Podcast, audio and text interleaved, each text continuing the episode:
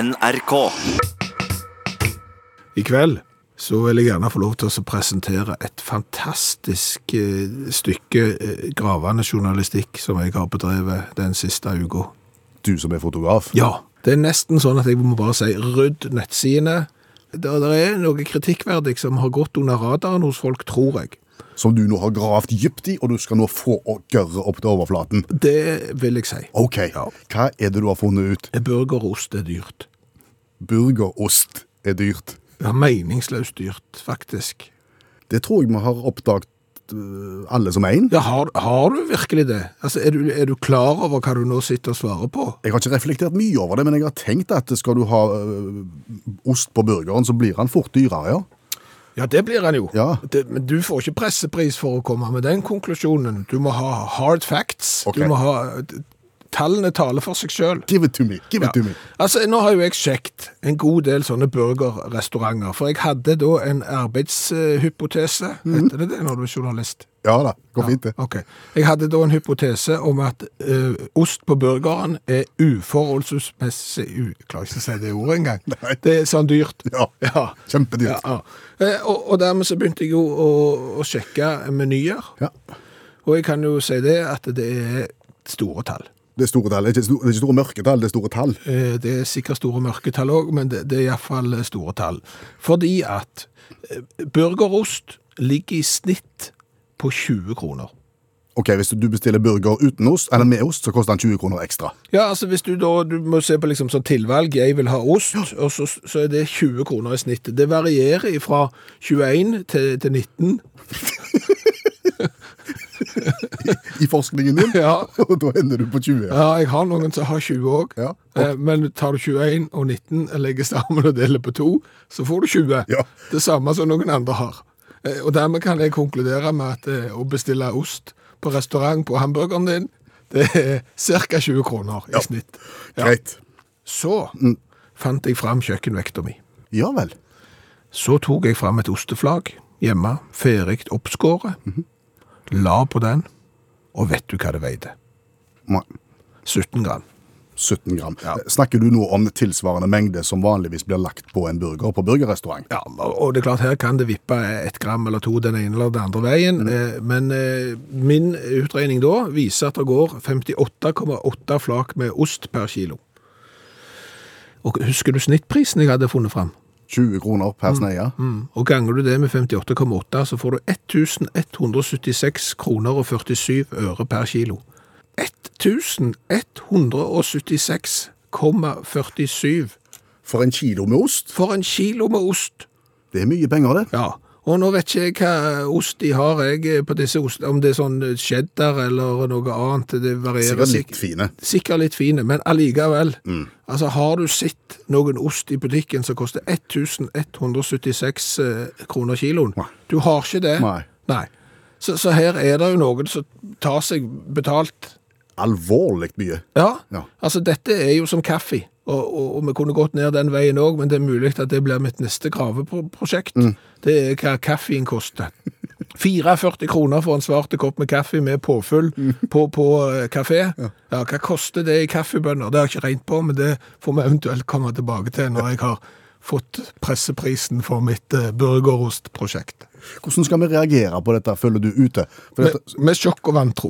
med sjokk og vantro. Ja. Er, det, ikke- er, det, ikke- er det ikke det vi pleier? Jo, etter, etter at sånn, sånn tungtveiende journalistikk er presentert. Ja, så bare vent til, til regjeringen nå må gå opp på talerstolen og snakke om andre ting enn bare covid-19. Når de nå også skal snakke om prisen på burgerost, og si at det kan ikke være sånn. Vi går til valg nå, for det, det er jo valg snart. Så går de til valg på at burgerostprisen må ned. Nå syns jeg det ble litt mye. Det siste der kunne jeg spart, spart meg, det, det kjente jeg òg. Jeg ble så revet med.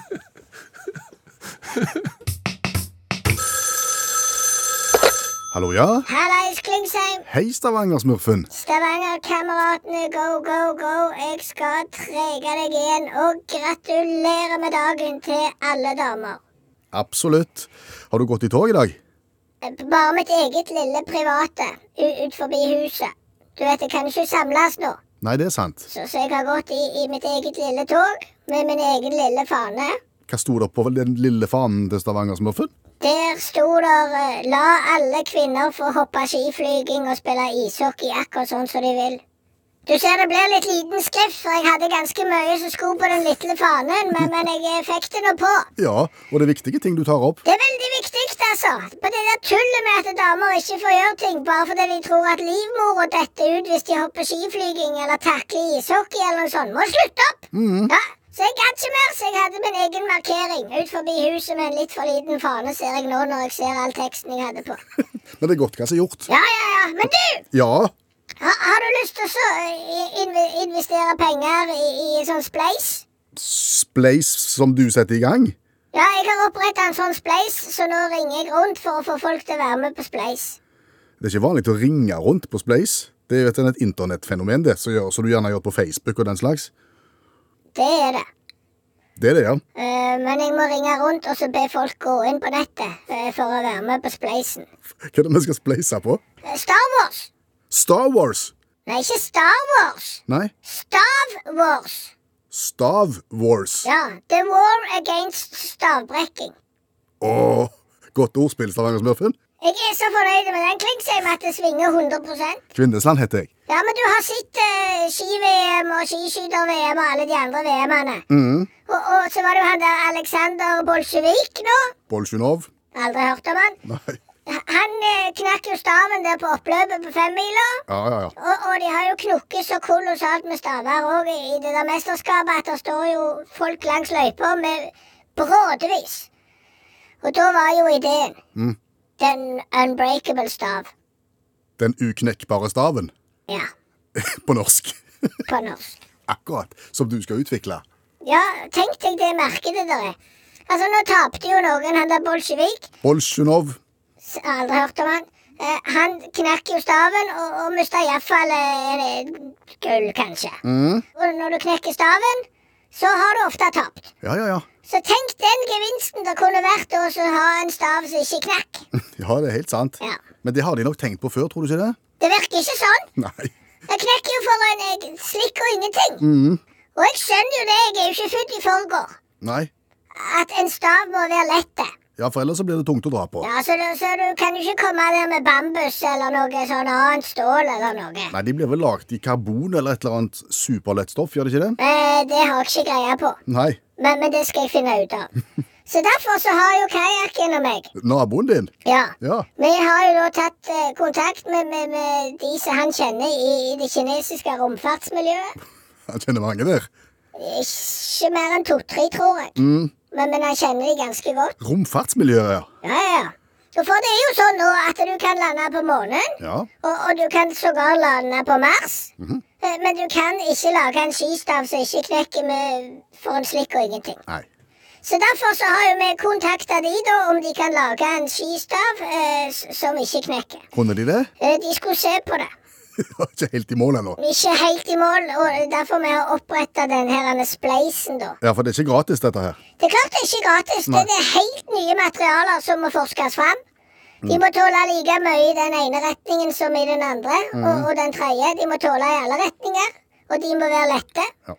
Og tenk hvis vi får det til! Ja. Da kommer Norge til å vinne enda mer Det går ikke an å vinne mer gull, forresten. Nei, de gjør ikke det. Nei. Men da kommer noen til å vinne mer gull, Mm. når de har staver som ikke knekker. Du har ikke vært i kontakt med Skiforbundet ennå, har du? Har du rukket det? Jo, jo, jo. Jeg har vært i kontakt med de, og de er klar. Jeg har vært i, i kontakt med Swix. Det har du ikke. Da lyver du. Jeg skal ta kontakt med Swix. Ja, Du har ikke vært i kontakt med Skiforbundet heller. Jeg skal ta kontakt med Skiforbundet øyeblikk. Ja. Ja. Bare få spleisen på plass. Bare få spleisen på, på plass. Mm. Star Wars is on the run. Sta st Star Wars. Ja. Og du må ikke si R. Nei, Har du vondt for det, Klingsheim? Kvinnesland. Star Wars. The war against stavbrekking. Skjønner. Yes. Lykke til. Jo, tusen takk, og du vet hvor du skal sette pengene dine. Ja, Snakkes! ha det. Du, Eh, jeg har brukt opptaksutstyr OK.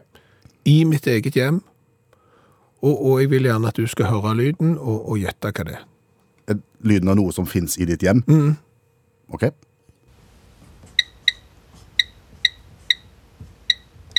Fugl? Jeg har ikke fugl, jeg. Nei, jeg ble usikker nå. Nei, nei, nei, nei det er ikke fugl. Ja, var litt like. Der, ja. Nå. Støvsu sentralstøvsuger. Nei. Det er mikrobølgeovnen. Åh, Tastetrykk på mikro mikrobølgeovnen, ø, og så starter den. hvorfor har vi tatt opp lyden av mikrobølgeovnen? H- Hvorfor er det lyd på mikrobølgeovnen?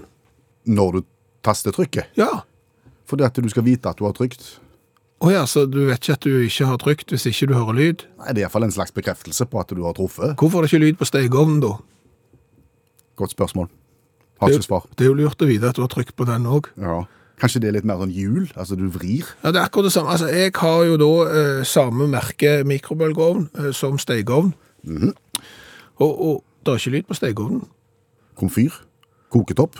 Der eh, tror jeg ikke jeg har lyd. Har du, Ikke, der har jeg lyd. har du lyd der, ja? Ja. Hva da for? For å vite at du har trykt? Ja, jeg tenker kanskje dette har noe med universell utforming å gjøre. At du, Hvis du er blind eller svaksynt, så skal du vite at du har vært bortpå.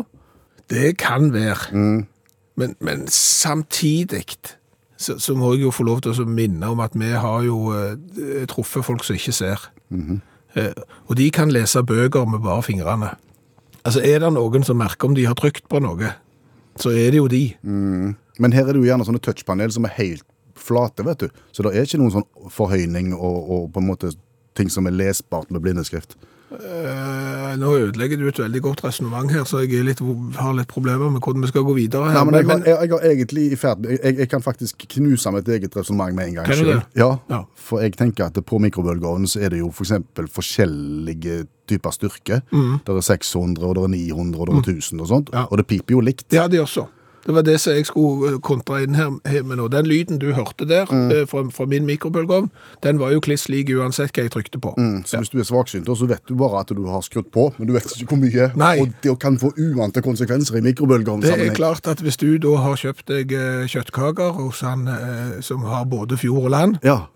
setter på den og, og trykker på knappen og hører på pipinga og tror at du har satt den på 4 minutter og 50 sekunder, mens det du egentlig har gjort er å sette effekten ned til 170 watt i 30 sekunder, eh, så blir det ikke like godt. Nei. Nei. Så, så det er jo, men jeg har jo et inntrykk av at det er mikrobølgeovnen står i en særstilling når det er å lage lyd. Ja, i, i, sånn sammenlignet med andre kjøkkenmaskiner. Ja, altså, du kan hende du kanskje har en vaskemaskin som piper hvis du skal ta ullprogrammet på eller noe sånt, men det er jo ekstremt mye mer piping på mikrobølgeovn. på mikro enn andre ting. Kan det være at mikrobølgeovnen føler seg litt sånn underdanig i forhold til de andre kjøkkenredskapene, derfor så må han kompensere med pip? Med mer lyd. Ja, Det for kan- den, for den er jo litt liten og veselig, og, og, og kan liksom ikke så mye. Altså, og så, så er han jo litt sånn Altså, av kjøkkenutstyr Mm. vi, Han står jo litt langt nede på rangstigen. Ja, det er det jeg sier. Ja, men han, for det er litt sånn Skal du ha eh, ost og skinke og, og i mikroen, så er det litt i forhold til å lage sånn Så kokkene lager, eller har sånn Ja, ja. toastjern og, og Det, det er fattigmannsvarianten. Det er fattigmannsvarianten. Ja, ja. Det heter sous vide og sånn, alt som er tøft. Sous? Sous vide. Hva er det? Ja, det er jo sånn når du legger ting i, i varmt vann lenge under trykk og sånn i mappa, så da får du liksom mat sånn som det skal være. Mm. Ja, det er lenge siden noen ga ut eh, mikrobølgeovn-kokeboka, for å si det sånn. Ja. Den kom med en gang mikrobølgeovnen kom, og etterpå det så har det vært litt sånn annen rangs å lage mat i mikroen. Men kom igjen med piping. Han tar igjen med Ja, piping, ingen- kompenserer voldsomt, Ingen eh, som slår han. voldsomt med piping. Har du fått med deg Buttergate i Canada? Egentlig ikke. Eh, Kanadisk eh, smør som ikke er mykt eh, når det står på bordet i, i romtemperatur, og, og dermed så er det jo sånn Hva har de stappet i det nå for noe? Åh, ok. Buttergate. Smørgate. Vet du noe mer om dette? Nei, nei. Nei. Derfor har vi kalt inn allmennlærer med to vekttall i musikk, Olav Hove, som er ekspert på Buttergate og Other Gates. Yes, indeed. Yes. Ja, det heter jo Gates fordi at det, det er oppkalt etter, etter, etter Watergate.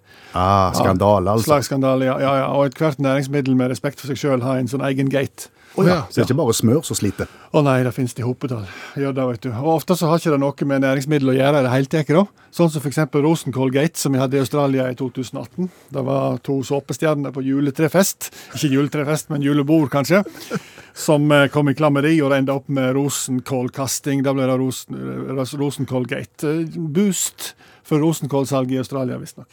Å ja, så, så hvis kjendiser eh, kaster produktet ditt, så er det rom for suksess? Ja. Det er nok å tenke på for programledere i radio òg, egentlig. Så eh, tenk på det. Eh, men så har du de som handler om selve næringsmiddelet, da, sånn som Spisskammen Gate fra 2015. Vi- Spisskummengate. Ja, det viser seg at noen eh, utro tjenere tilsetter alle hånder i eh, for å sprite den, ikke sprite den opp, men for å spe den ut. Spisskummen for alle hånder hvis billigere. Og det er jo ikke bra for alle håndeallergikere og sånne ting.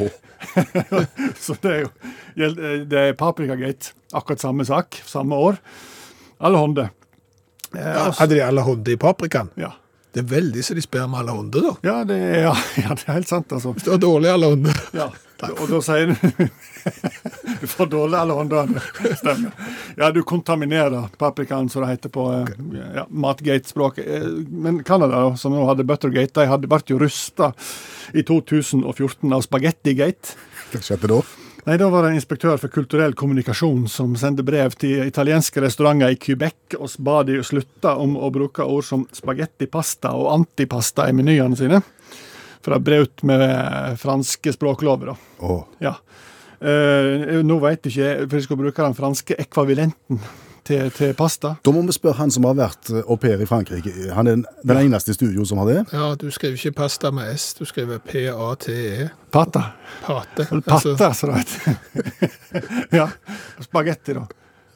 nei, det er jo eh, det- Det er spagetti, tror jeg. Ja. Altså, Nettopp det som er poenget, for at de gikk tilbake på det da, etter hvert og fant at det var greit å bruke ord som pasta på italienske restauranter. Og pizza, til og med, fikk de lov å bruke. Like greit. Ja, eller åpen kjøttlefse, som det heter på nynorsk. Det var kanskje bedre.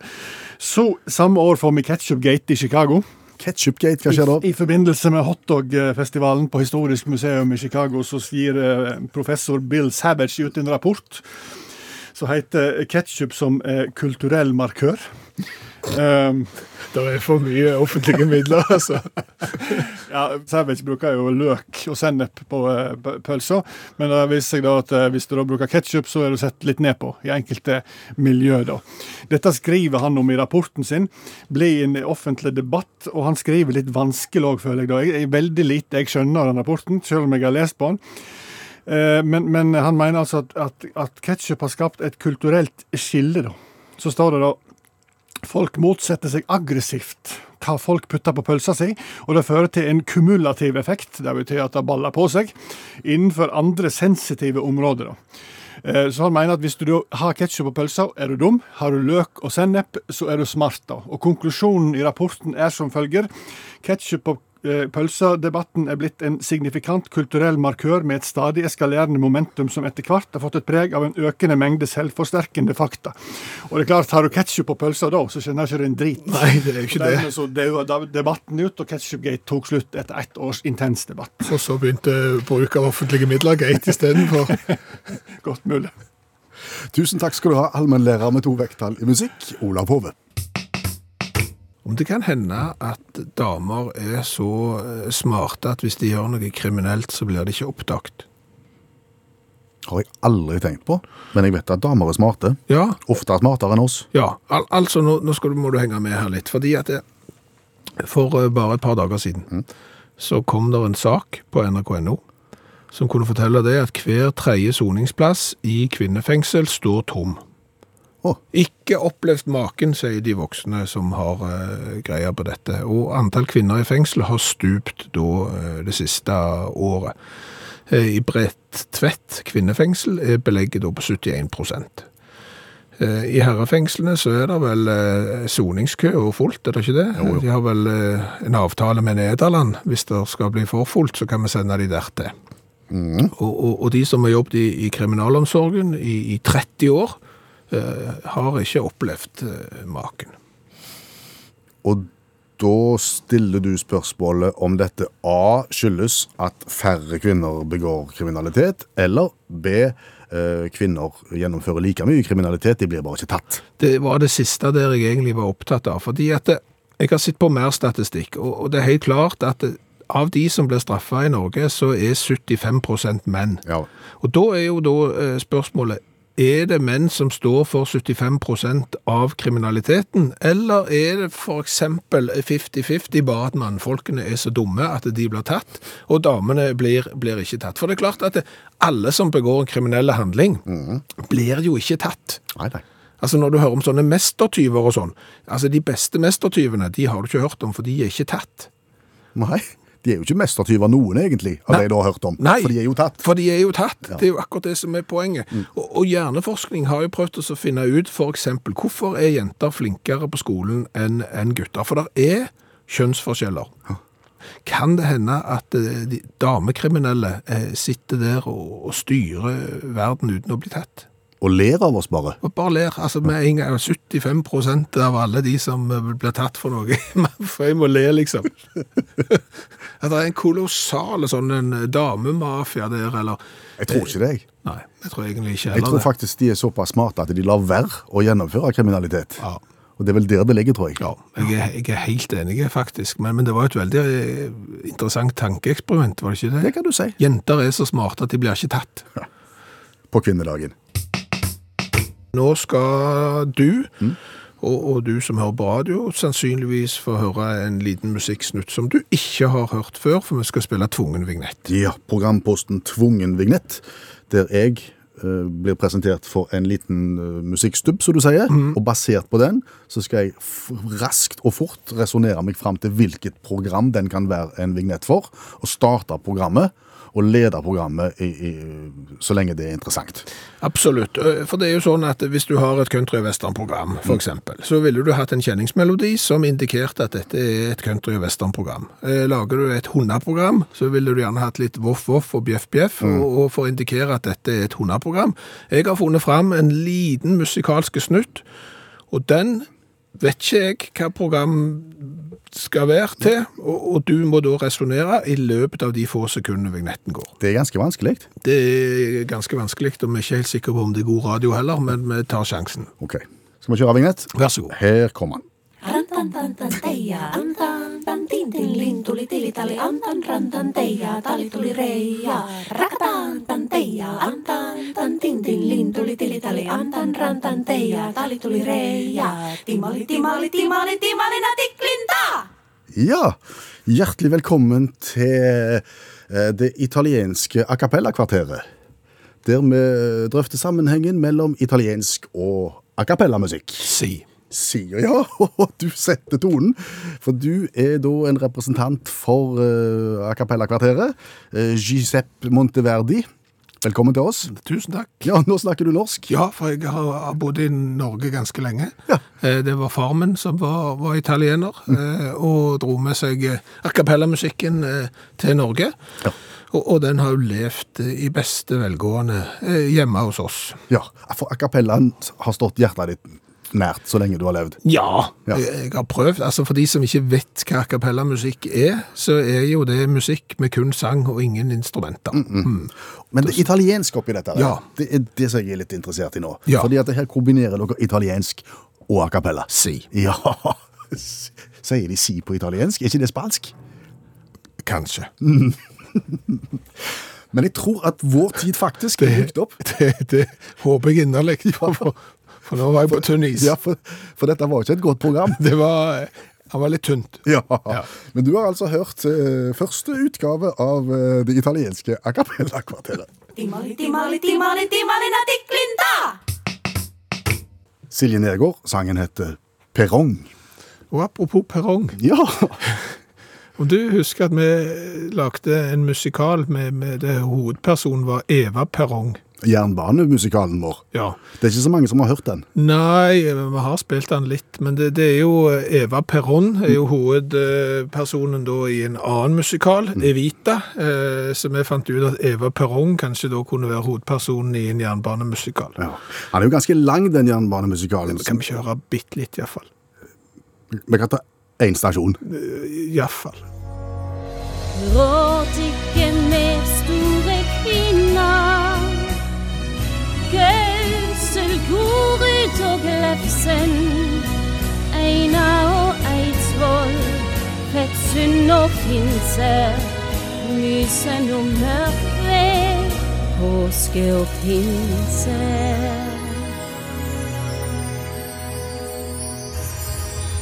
Har jeg sagt for mye? Det er ingenting mer jeg kommer til å si til deg. Toget det sto, men toget er gått i en fei.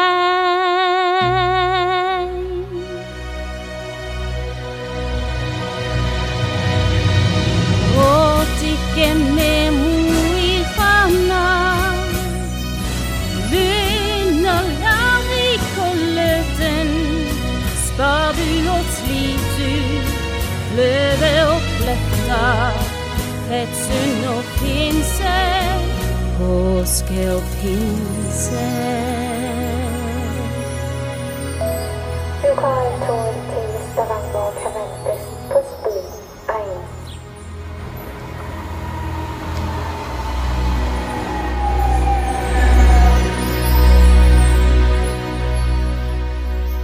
Du møtte Cecilie Berntsen Jåsund i rollen som eh, Eva Perrong. Er du klar til å konkurrere? Ja, jeg kan godt konkurrere, men jeg har lyst til at alle skal få være med. Ja, men det er en konkurranse der du konkurrerer. Du som hører på radio, du konkurrerer, og dere konkurrerer alle med dere sjøl. Godt poeng.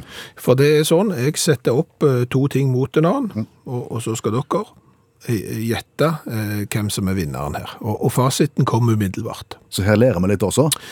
Absolutt eh, en del å lære, ja. Det vil jeg si. Skal vi kjøre vignett? Eh, Det tror jeg vi må, selv om vignettene er dårlige.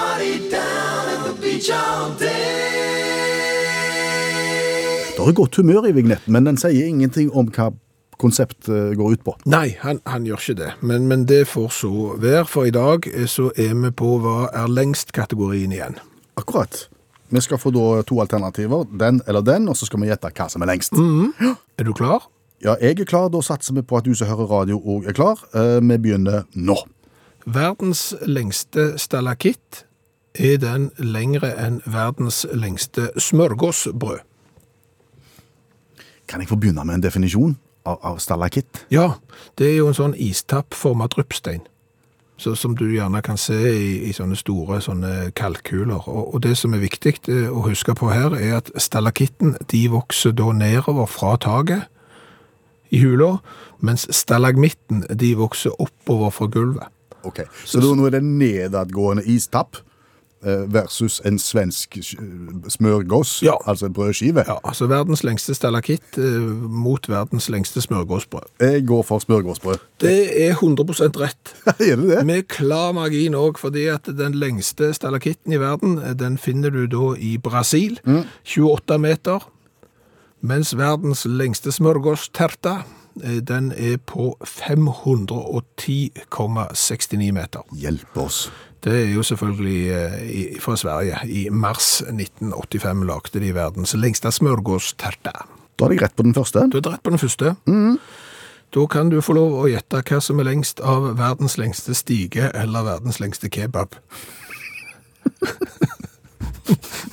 det er ikke selvsagt at de står opp mot hverandre. Nei, det er ikke det.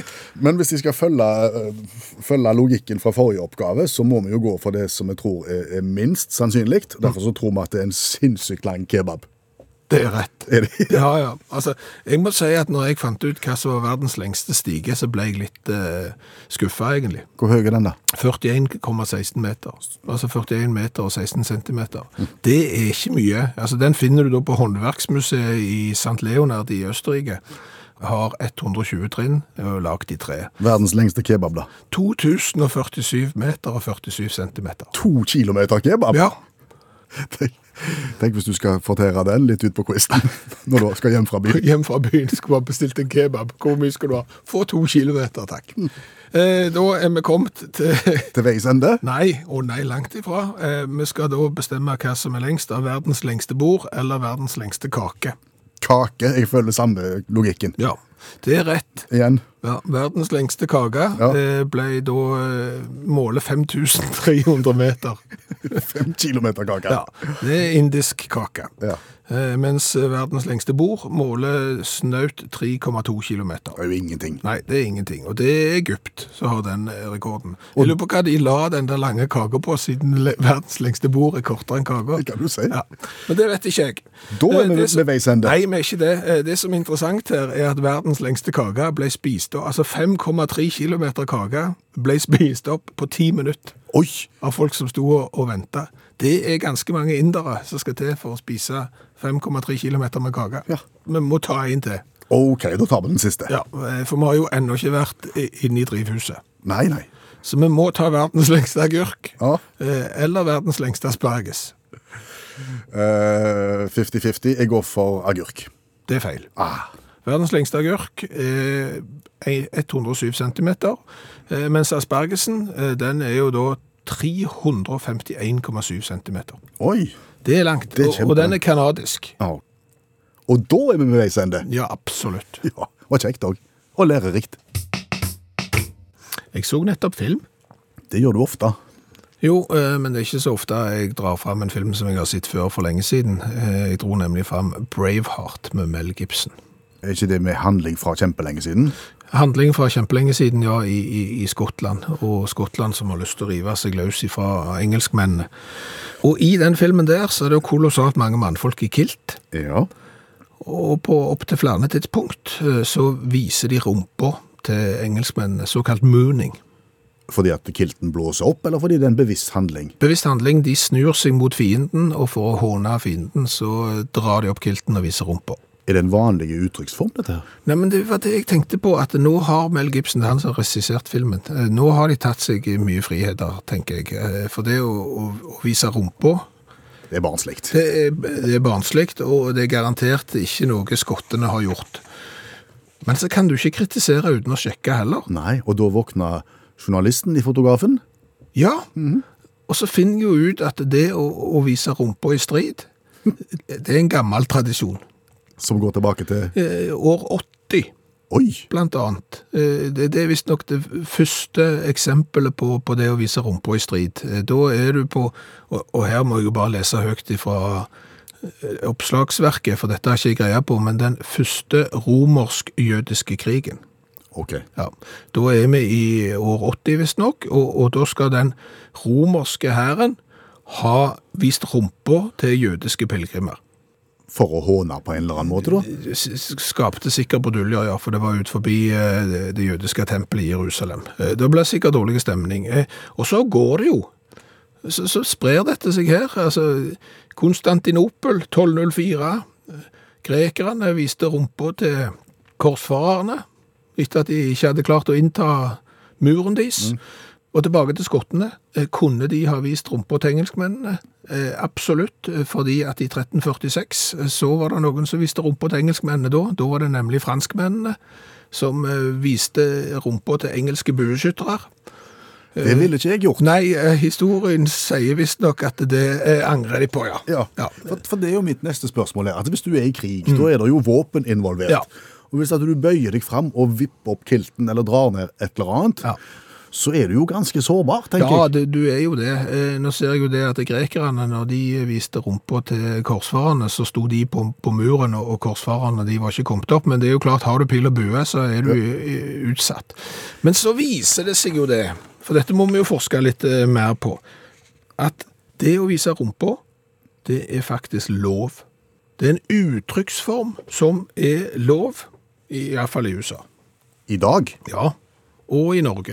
I USA har du ikke lov å si uh, fuck i radioen, men Nei. du har lov å vise rumpa til folk. Ja, fordi at i januar 2006 eh, så har eh, nemlig eh, de voksne, de som l- bestemmer lov og rett i Maryland, de har bestemt det at å vise rumpa er en form for artistisk uttrykksform som kommer inn under dette med å, å ha lov å si hva du vil.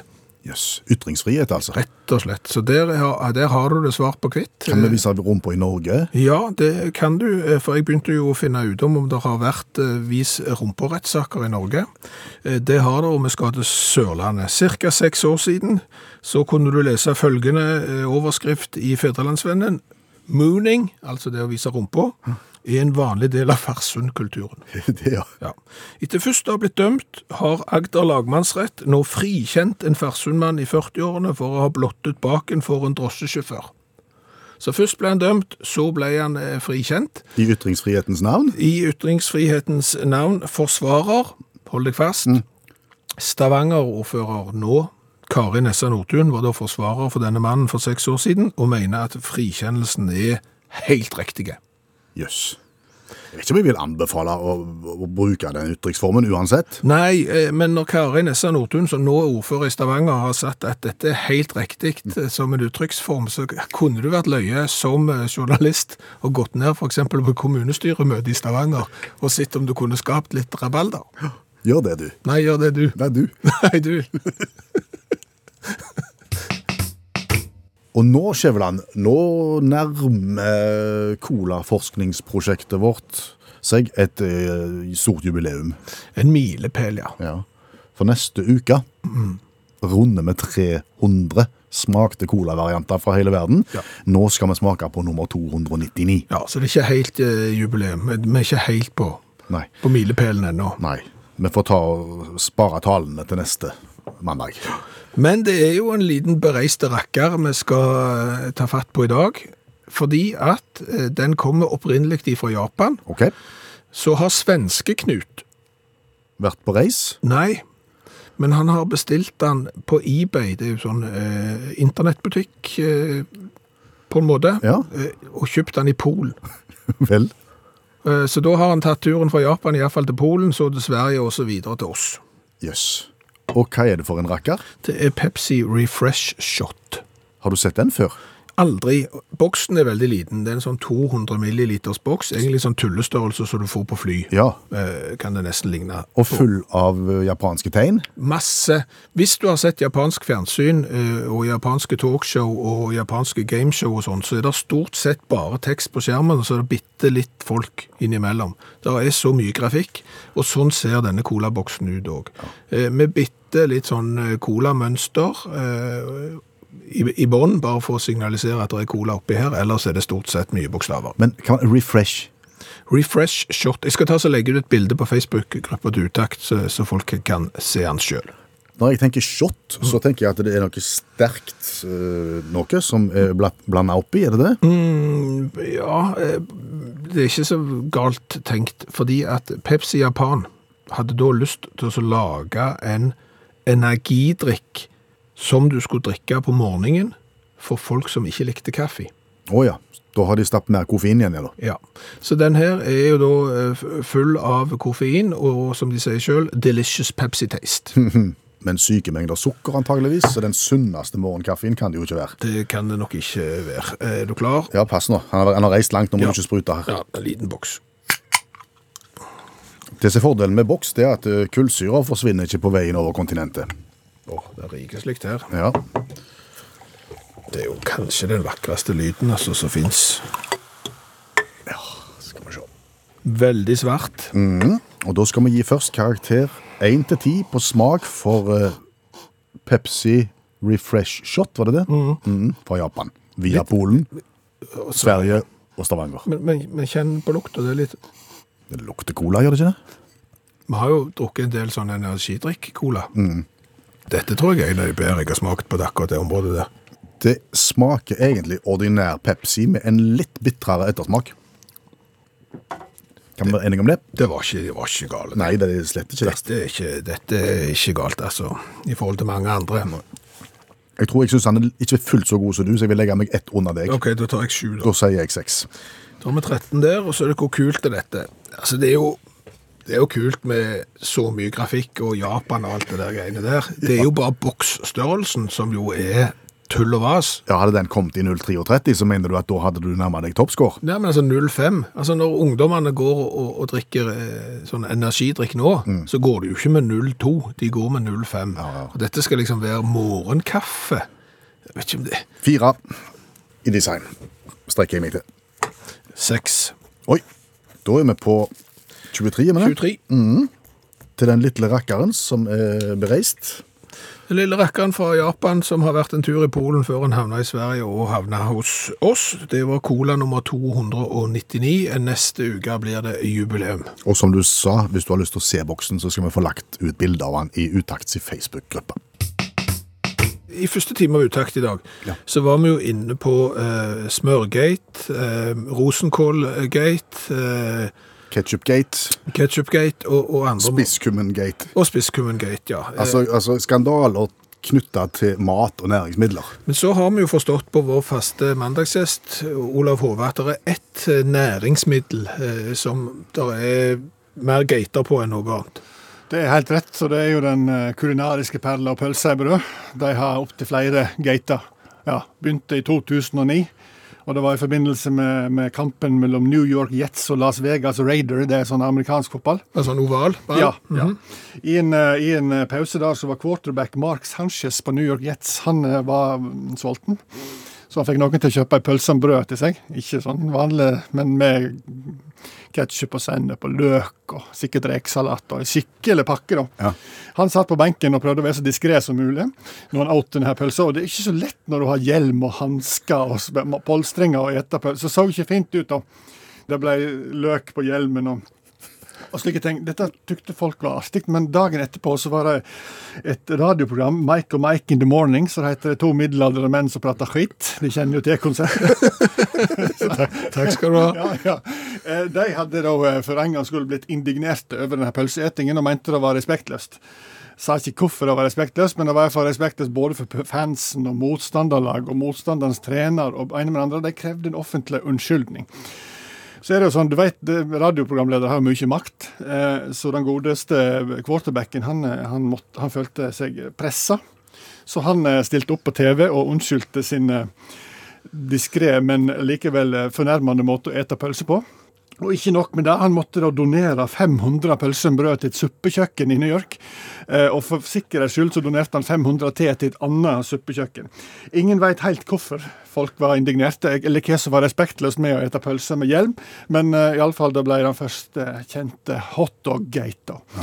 Så går det fem år, og da skal vi til Malaysia. og Der er det hotdog-gate-versjon Malaysia. Der har du Sirajuddin Suhimahe. Minister eh, ikke, han kan du sammenligne med kirke og un- Han blir moské- og undervisningsminister i Malaysia. han, eh, han setter i gang en prosess der han bestemte at det skulle ikke hete hotdog lenger. Eh, fordi at det er vanskelig å sertifisere det sånn halalmessig. sant? Heit hund er jo klart det er ikke så, det er ikke så fristende for muslimske turister som kommer til Malaysia. Eh, eh, og, og dette, og ville kalle det pølsebrød. Ja, lurt. Eh, Men turist- og kulturminister Nasri Aziz han ble forbanna. Han eh, mente at dette her var en, eh, var en subtilt angrep på hotdog-industrien, og gikk imot. Eh, ble et offentlig ordskifte, en offentlig debatt, og, og eh, selv om denne gode moské- og undervisningsministeren setter i gang en eh, tegneseriekampanje for å gjøre overgangen fra hotdog til pølse i brød lettere, så ble det tungt. og og vanskelig, og begge eh, trua med en periode med å gå av, da. Ehm, fortsatt en debatt. Fortsett. Å ja. Ja. Å, Så, så pølsegate nummer to er ikke over. Nei. Pølsegate nummer tre fikk sin egen covid-19-versjon sommeren 2020. Eh, På Coney Island i Brooklyn hver 4. juli så er det pølseeterkonkurranse. En fin amerikansk tradisjon. Den har jeg sett plakat for Ja, på Coney Island. ja. Mhm. 105 år siden det ble innstifta den polske immigranten Nathan Handverker. For å ikke være fordomsfull, men det var et passende navn. Eh, i, i, i fjor, ja, men i sommer da, så ble det selvfølgelig uten publikum. Det ble sånn, eh, ja, I en kjeller i Brooklyn møttes folk for å ete hotdog. Det var, var selvfølgelig eh, Joey Kjeven Kjestnøtt som vant han med 75 pølser på 10 minutter. Ehm, han sa det var en bisarr opplevelse å ikke ha publikum, men for det er ikke bisart å være i en kjeller. Ja, nei, uansett, 75 pølser spiste han opp, og, men eh, ble en svære etterspill da, når enkelte av deltakerne klagde på smitteverntiltakene ikke var gode nok. Pleksiglasset mellom deltakerne var for tynne. Ingen deltakere brukte munnbind. Og det var heller ingen som fikk karantene etterpå. Da. Og som Kjeven da sier i en kommentar etterpå, det er vanskelig å ete 75 pølser på 10 minutter med munnbind. Og etter å ha spist 75 pølser på 10 minutter, så ligger de fleste på sofaen i ti dager etterpå, så det der med karantene var unødvendig. Det var det. Og det var ikke rent lite. Tusen takk, allmennlærer med to vekttall i musikk, Olav Hove. Du, det er jo en del norske fotballspillere nå eh, som er etablert i England. Ja. Og så er det eh, mange fotballspillere som har lyst til å etablere seg i England. Mhm. Og engelsk fotball står jo kolossalt sterkt i Norge. Liverpool, Manchester United, Tottenham, Chelsea. Ja. Ikke så mange på Manchester City. Nei, ikke så mange på Manchester City. Kolossalt mange på Leeds, Ja, men, men de eh, pleier å være godt voksne. Eh, Ledsfolket. Ja, og Stoke. Men det som er bakgrunnen, er at hvis du liker en engelsk fotballklubb, eh, så liker du den engelske fotballklubben, og så liker du ingen av de andre. Nei. Og det er jo ofte sånn at hvis du liker én spesiell engelsk fotballklubb veldig godt, da liker du ingen av de andre, og så er det et par du hater i tillegg. En sånn riva- rivalisering. Ja. Hvis du liker Tottenham, så liker du ikke Arsenal, for eksempel. Liker du Liverpool, så liker du ikke Manchester United. Nei. Og derfor så lurer jo jeg på, når eh, en norsk ung fotballsupporter med drømmen om å spille i England, omsider får drømmen sin i oppfyllelse, er det da noen som har sagt Nei, vet du hva, eh, jeg går ikke til den klubben, for den hater jeg. Money talks, tenker jeg. Hvis du da har et tilbud om en treårskontrakt og lønn som sikrer deg for resten av livet, Ja. da spørs det ikke om det er en del prinsipper som må på båten dit. Jo, jo. Har Tor- Solskjær har han alltid vært United-mann? Jeg tror ikke det, men jeg vet ikke hvem han egentlig holder med. Har, eh, har Ødegård eh, heid på Arsenal? Eller har han for eksempel, hvis han har heid da på Tottenham, eh, så har han jo hata Arsenal i prinsippet. Og, og da kan du jo ikke gå til Arsenal. Han har gjort det. Han har jo gjort det. Så- Og, og dette er jo sikkert ikke særnorsk. Nei.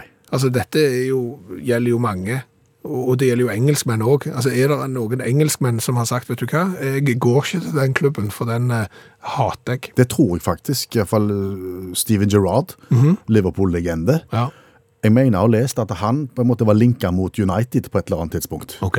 Ikke snakk om det, det var ikke mulig, det. Men det er jo litt tøft, da. Det må være sånn. Ja. Ja, ja, ja. Men det er jo så svart-hvitt det der når du er fotballtilhenger, men, men i det øyeblikket det kommer et sjekkhefte fram, Mm. og, og noen skal skrive unna med mange nuller ja, Kan spille for hvem som helst. Ja, Så skal du jo møte det laget som du egentlig liker òg. Ja, og da liker du det gjerne ikke så godt lenger, eller hva er det sånn? Ja, det- Nei, den er, ikke- den er leie. Ja, det er Du det. må, ikke, du må sørge for å ikke sette deg i en sånn situasjon. Ja. Det må du. Og det er jo ikke så lett det heller, når du da vokser opp med idealer, eh, så er det jo ikke så lett. Hvem heier du på? Jeg heier ikke på noen. Hva da for sjef? For jeg tenker jeg skal bli en av de etter hvert, Ja. og da vil jeg ikke ha noen favorittklubb. Vi skal ta det suksessivt. Kan vi være enige om at virkeligheten ofte overgår fantasien? Ofte. Ja. For nå eh, dukte det opp en historie her som jeg ikke kjente til. Den har vært omtalt i norsk eh, presse og i, i internasjonal eh, presse. Vi skal tilbake til 2012, men jeg, jeg hadde ikke hørt om den. Overskrift. Forsvunnet kvinne lette etter seg selv. Godt gjort. Det, det, det er godt gjort, og som sagt så er det jo virkeligheten overgår eh, fantasien, og, og det er jo en så god historie her, vi skal tilbake til 2012. Eh, en stor leteaksjon etter en savnet turist på Island endte med at den savnede kvinnen ble funnet av seg selv. Som jeg sier, godt gjort. Men hva er det som har skjedd? Altså Det som har skjedd, er jo da at det har vært turister på Island. Og dette er jo da, i, i, som jeg sier, i 2012. men Da kunne jo folk reise, husker du det? Nei, vagt. Nei, du kunne gjerne sette deg på en sånn en maskin og så, ha- så- med sånne, to sånne lange armer ut på sidene. Vinger, liksom. Nesten så vinger, ja. Og så henger det sånn eh, noen motorer unna, og så går de i full fart bortover, og så pff, tar du av gårde, og så lander du en annen plass. I et annet land. I gjerne et annet land, ja. Helt oppsiktsvekkende. Ja, det var som vi gjorde før. Eh, og så kommer da turistbussen eh, fram til en eh, vulkansk eh, liten rakker eh, som de skal kikke på. eh, turistene går da ut, eh, og når de skal kjøre tilbake igjen, så savner da bussjåføren ei dame. Hun er ikke å finne noen plass. Hun er ikke å finne noen eh, plass, og, og han eh, ble s- iverksatt leteaksjon, og eh, bussjåføren eh, etterlyser hun som en asiatisk eh, kvinne, ca. 1,60 høy, i alderen 20-30 år, mørkt kledd og snakker flytende engelsk. Eh, hvis det da var en buss med asiatiske eh, turister, så passer vel den beskrivelsen omtrent til halvparten av de, vil jeg tippe, bortsett fra kanskje det med, med flytende engelsk. Og så begynner de jo å leide, og de leide og de leide, dette er jo lørdag, eh, klokka tre natt til søndag, så finner de den de leide etter. Hvor er vedkommende? Hun er ute og leter. For da innser jo da ledelsen for leteaksjonen at den dama de har lett etter, er jo med på turistbussen, og er fremdeles på turistbussen. Hun har bare skifta klær. Åh, Så på et eller annet tidspunkt så har jo denne her turisten bytta klær, så hun ikke hadde på seg det som hun hadde når hun gikk ut av eh, bussen. Og når hun da hørte beskrivelsen av hvem det var de lette etter, så kjente ikke hun seg igjen i seg sjøl. Nei, og, og meldte seg selvfølgelig til leiting. Ja, ja, så, så hun har jo da eh, gått og lett før hun til slutt fant ut Oi, det er jeg som har vært eh, savna, ja. Så da var det jo bare å sette seg i bussen og, og dra. Dette har Finn Kalvik skrevet en sang om. Han det? Finne meg sjæl. Jeg har nok med å finne meg sjæl. Hva har vi lært i kveld? Mye. Jeg har jo Flott. blant annet lært det at hvis du går på burgerrestaurant og bestiller ost på burgeren din, så må du gjerne betale 20 kroner og mer enn det for et flagg med ost. Og etter nitidig utregning av eh, undertegnede her, eh, så har jeg jo da funnet ut at det fort er over 1100 kroner kiloen for ost. Og så avansert er jo ikke den osten at han skal være verdig. Nei, 1100 kroner for, eh, per kilo for burgerost. Her, her er det noen som eh, tjener godt. Absolutt. I hvert fall på ost. Det kan godt hende de tjener veldig lite på det andre, og må ta seg betalt så godt for osten for å få det til å gå rundt, men ikke ødelegge et godt resonnement nå. Eh, Så har vi jo lært det at mikrobølgeovnen er jo i særstilling når det gjelder å lage lyd. Ja, pipelyder når du trykker på den. Ja, Altså, stekeovn ikke i nærheten, komfyr ikke i nærheten, miksmaster, brødrister, hva som helst. Nei. Ikke i nærheten. Skyldes det at mikrobølgeovnen føler seg litt underlegen og må kompensere med piping? det er jo sånn gjerne med unger at det- hvis du ikke når, føler at du når opp, eh, så kompenserer du med lyd. Ja. Sånn er det gjerne med, med mikroen òg. Ja. Det er ingen kokker som liksom sier å, så bare tar du denne her matretten det er fort gjort, og så setter du den i mikroen, og så er det ferdig. Nei, det er annenrangsprodukt. Dermed kompenserer vi med pipelyd. Ja. Eh, Så har vi lært det at eh, kvinner er smartere enn menn. Ja, Det har vi jo visst eh, lenge, for det er bare å se på statistikken fra skolen. Men det som er et annet viktig poeng her, er at kvinner begår ikke så mye kriminalitet. 75 av kriminaliteten begås av menn, ifølge statistikk. Og det merker de òg nå i kvinnefengsler. Det er ikke fullt, det er plass til, til, til damer i fengsel. Kvinner har skjønt at det der, der er troskapskap, ikke driver med kriminalitet. Eller så er det sånn at siden damer er smartere enn menn, eh, så blir de ikke tatt. For den ordentlige mesterhjernen i- innenfor den kriminelle verden, han er jo ikke tatt, og dermed så vet vi jo ikke hvem han er. La den henge. Hun vet Hun- ikke hvem hun, hun er. selvfølgelig. Hun er. Så har vi jo eh, lært det at det å vise rumpa, Det har vært vanlig helt siden eh, Kristus sin tid. ja, år 80, eh, i hvert fall det første kjente tilfellet av å vise rumpa i strid, eh, og og oppover i i kriger, så, ha- så har det vært gjort. Det har jo vist seg at de som da har vist rumpa til, til bueskyttere, har angret. Det har de. Så har vi jo lært det at eh, japansk energi, energidrikk-cola, begynner å bli sent nå, eh, smaker ikke verst. Nei, slettes ikke gale. Det var det hele. Bjørn Lars Skjævland heter jeg. Per Øystein Kvindesland, takk for laget. Hør flere podkaster på nrk.no podkast. NRK